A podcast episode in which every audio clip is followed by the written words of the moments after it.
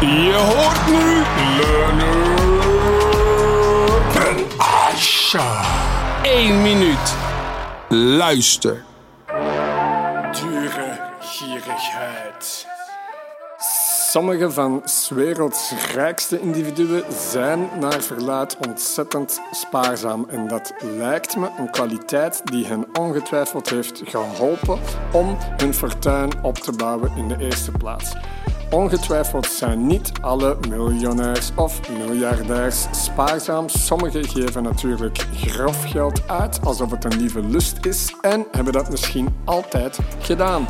Nu, soms is extreme spaarzaamheid raadzaam, soms ook niet. Stel je voor een item moet vervangen worden en je hebt een aantal keuzes. Je kan kiezen tussen neppe onderdelen of echte onderdelen en daarboven kan je kiezen tussen ongeautoriseerde of geautoriseerde dealerships of service centers. Stel je voor je kiest voor de goedkoopste, wees neppe optie en op het meest cruciale moment faalt die bijvoorbeeld je autoremmen.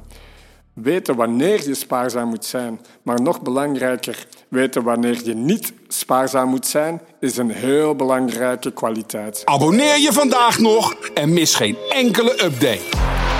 Liken is zilver, delen is goud. Leonard en Asha. 1 minuut. Luister. Overal beschikbaar waar jij naar jouw podcast luistert.